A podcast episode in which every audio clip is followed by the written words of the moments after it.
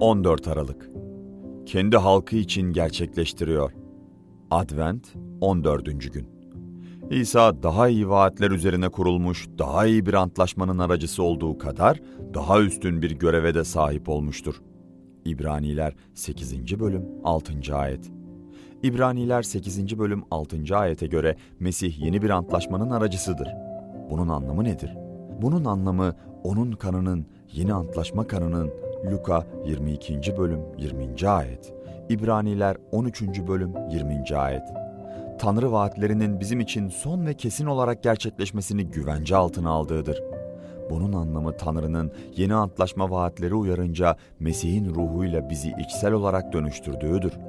Bunun anlamı da Tanrı'nın bu dönüşümü iman aracılığıyla Mesih'te bizden yana olan Tanrı'ya tümüyle iman aracılığıyla bizde gerçekleştirmekte olduğudur.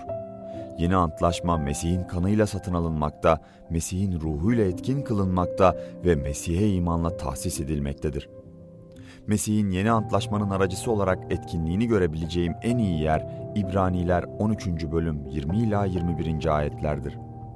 Esenlik veren Tanrı, koyunların büyük çobanını Rabbimiz İsa'yı sonsuza dek sürecek antlaşmanın kanıyla ölümden diriltti.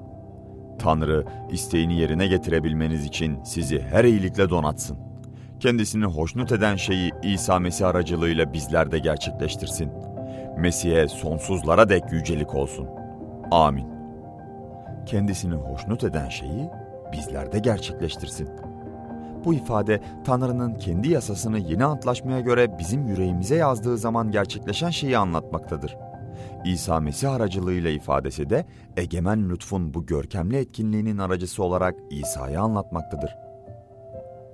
Dolayısıyla Doğuş Bayramı'nın anlamı yalnızca Tanrı'nın gölgeleri gerçeklikle değiştirmesi değil, aynı zamanda bu gerçekliği alıp kendi halkı için gerçekleştirmesidir. Onu bizim yüreğimize yazmaktadır. O, deyim yerindeyse kendi gücünüzle gidip alabilmeniz için Doğuş Bayramı'nın kurtuluş ve dönüşüm armağanlarını ağacın altına bırakmaz.